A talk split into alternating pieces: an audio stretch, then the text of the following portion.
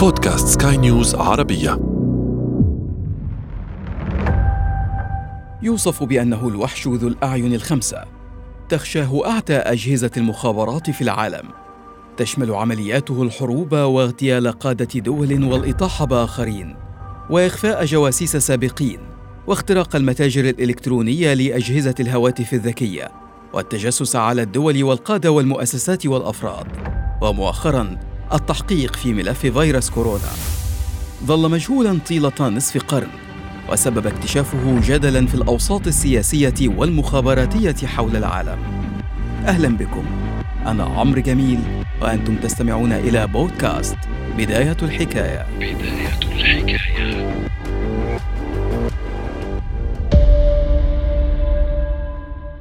خلال الحرب العالمية الثانية كان الضباط البريطانيون والأمريكيون يتبادلون المعلومات بغرض اختراق شفرات الألمان السرية.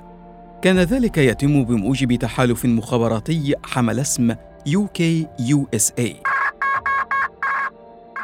وبرغم صعوبة الشفرة الألمانية المعتمدة آنذاك على ما عرف بآلة إنجما المعقدة والتي غلفت المحادثات النازية بغطاء عال من السرية نجح عالم الرياضيات البريطاني ألان تورينغ في فك شفرة النازيين.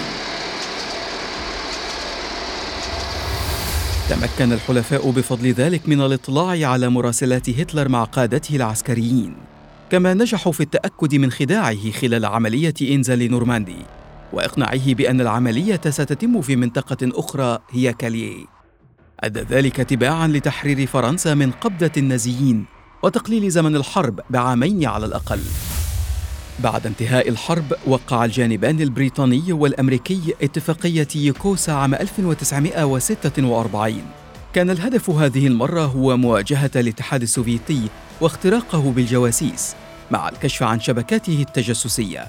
ونجح بالفعل في الكشف عن الجواسيس السوفيت الذين عرقلوا مشروع منهاتن الأمريكي لبناء القنبلة الذرية. بعد ذلك التاريخ بعامين انضمت كندا إلى الاتفاقية. تلتها أستراليا ونيوزيلندا في عام 55 ليحمل التحالف اسما جديدا هو العيون الخمس. ومنذ ذلك التاريخ ظل تحالف العيون الخمس يعمل في الخفاء ويمثل رأس حربة في الحرب الباردة بين المعسكرين الشرقي والغربي. كان التحالف يقوم على جمع وتبادل وتحليل المعلومات وزرع الجواسيس واختراق شبكات التجسس في كل أنحاء العالم. في آسيا لعب التحالف دورا مهما خلال الحرب الأمريكية في فيتنام. قدمت نيوزيلندا واستراليا دعما مبشرا للولايات المتحدة في منطقة آسيا والمحيط الهادئ خلال الحرب.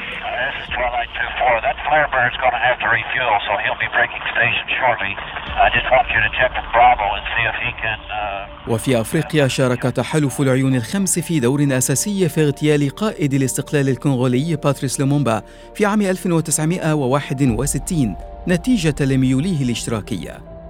وفي أمريكا اللاتينية ساهم تحالف العيون الخمس عام 73 في الإطاحة بسلفادور إليندي رئيس تشيلي وأول رئيس منتخب في أمريكا اللاتينية بسبب نزعته الماركسية وذلك بحسب وثائق كشفت عنها وكالة المخابرات الأمريكية بعد مرور 25 عاما من حدوثها. وفي عام 82 استعانت بريطانيا بدعم حلفائها المعلوماتي لتأمين تحركات أسطولها خلال حرب الفوكلاند ضد الأرجنتين. أدى ذلك في النهاية لهزيمة الأرجنتين وانتصار بريطانيا بعد نحو شهرين ونصف من الحرب واستعادتها لجزر الفوكلاند وأقاليم جورجيا الجنوبية وساندويتش الجنوبية الملحقة بها. This is Stanley, the Falklands Broadcasting Station. Been instructed by the governor of the Falkland Islands to call you and ask you to repeat the message. ظل التحالف يستهدف الاتحاد السوفيتي والصين ودول أوروبا الشرقية كما كانت شبكته قادرة بحلول نهاية القرن العشرين على اكتساح كميات هائلة من الاتصالات السياسية والعسكرية والاقتصادية. اخترق المكالمات الهاتفية والفاكس والبريد الإلكتروني وحركة البيانات واعترض الاتصالات عبر الأقمار الصناعية وشبكات الهواتف العامة. وعلى مدار عقود كان التحالف يعمل كشبح لا يعلم بوجوده حتى أعضاء حكومات الدول المنضوية به.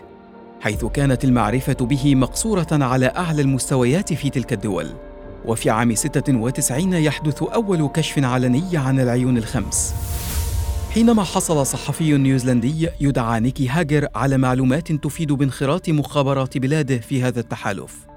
نشر كتابا بعنوان القوة السرية دور نيوزيلندا في شبكة التجسس الدولية وحمل معلومات مفصلة عن شبكة التجسس التي يديرها تحالف العيون الخمس حول العالم. أثار الكشف جدلا هائلا داخل البرلمان الأوروبي الذي لم يكن أعضاؤه على علم بوجوده. وثارت نقاشات حول قانونية عمله وطريقة تنظيمه كما أثار وإن بدرجة أقل تساؤلات في الكونغرس الأمريكي حيث وصف آنذاك بأنه جزء من جهود الولايات المتحدة وحلفائها في الحرب على الإرهاب. لكن الفضيحة الكبرى وقعت بعد ذلك بسبعة عشر عاماً. كان التحالف يقوم على مبدأين أساسيين. الأول أن الأعضاء يشاركون بعضهم البعض المعلومات الاستخباراتية والثاني أنهم لا يتجسسون على بعضهم البعض أو هكذا كان يفترض. لكن في عام 2013 نشر المتعاقد السابق لدى وكالة الاستخبارات الأمريكية إدوارد سنودن ما يقارب من 200 وثيقة تضم أسرارا إلكترونية حساسة. تفيد بأن الولايات المتحدة احتفظت بكمية هائلة من البيانات عن مواطنين وشخصيات عامة في بريطانيا ودول أخرى داخل التحالف وحلفاء أوروبيين آخرين. بمن فيهم المستشارة الألمانية أنجلا ميركل. كشف سنودن أن التحالف يمتلك جواسيس إلكترونيين هدفهم تحقيق انتصارات دولية وأن المخابرات الأمريكية تخطط لحروب إلكترونية بهدف السيطرة على البنى التحتية للدول مثل الطاقة وإمدادات المياه والمصانع والمطارات والمصارف والتجسس على مواطني دول من بينهم حلفاء لها. أثار ذلك غضبا عالميا وعارما على الولايات المتحدة من حلفائها الأوروبيين. بشكل دفع رئيس المفوضية الأوروبية حينها خوسيه مانويل باروسو للحديث عن تلك الفضيحة. إذا ثبتت صحة هذه الأخبار فسيكون ذلك مزعجا للغاية ويثير مشاكل خطيرة ومخاوف مهمة جدا. ولهذا فبمجرد نشر تلك التقارير الإعلامية طلبنا من الولايات المتحدة الحصول على توضيحات فورية لتلك المسألة. أما في الولايات المتحدة فكان الغضب أكبر على إدوارد سنودن. حاول ال CIA اعتقاله لكنه كان قد فر بالفعل من الولايات المتحدة ووصل إلى روسيا حيث طلب اللجوء السياسي هناك. لكن فضيحة التجسس الأمريكي على حلفائه لم توقف عمل تحالف العيون الخمس. في مارس 2018 تعرض الجاسوس الروسي السابق والمقيم في العاصمة البريطانية لندن سيرجي سكريبال وابنته يوليا لمحاولة اغتيال على يد من رجحت بريطانيا. أنهما ضابطان من جهاز الاستخبارات العسكرية الروسية GRU. نجا سكريبال وابنته من الموت بأعجوبة لكن الملف حول إلى تحالف العيون الخمس الذين تولوا مسؤولية الحفاظ على حياته. وسع العيون الخمس عملياته في مكافحة الإرهاب. وصناعة المواد الإباحية المعتمدة على الأطفال واختراق المتاجر الإلكترونية للهواتف المحمولة لجمع المعلومات عن المستخدمين في جميع دول العالم. وفي ربيع 2020 ومع تفشي وباء كورونا، قدم التحالف ملفا مكونا من 15 صفحة يقول فيه إن الصين عمدت لإخفاء أو تدمير أدلة عن الفيروس المستجد تتعلق بموعد رصد المرض وإسكات أطباء ورفض تقديم عينات للعلماء العاملين على إنتاج لقاح مضاد للفيروس.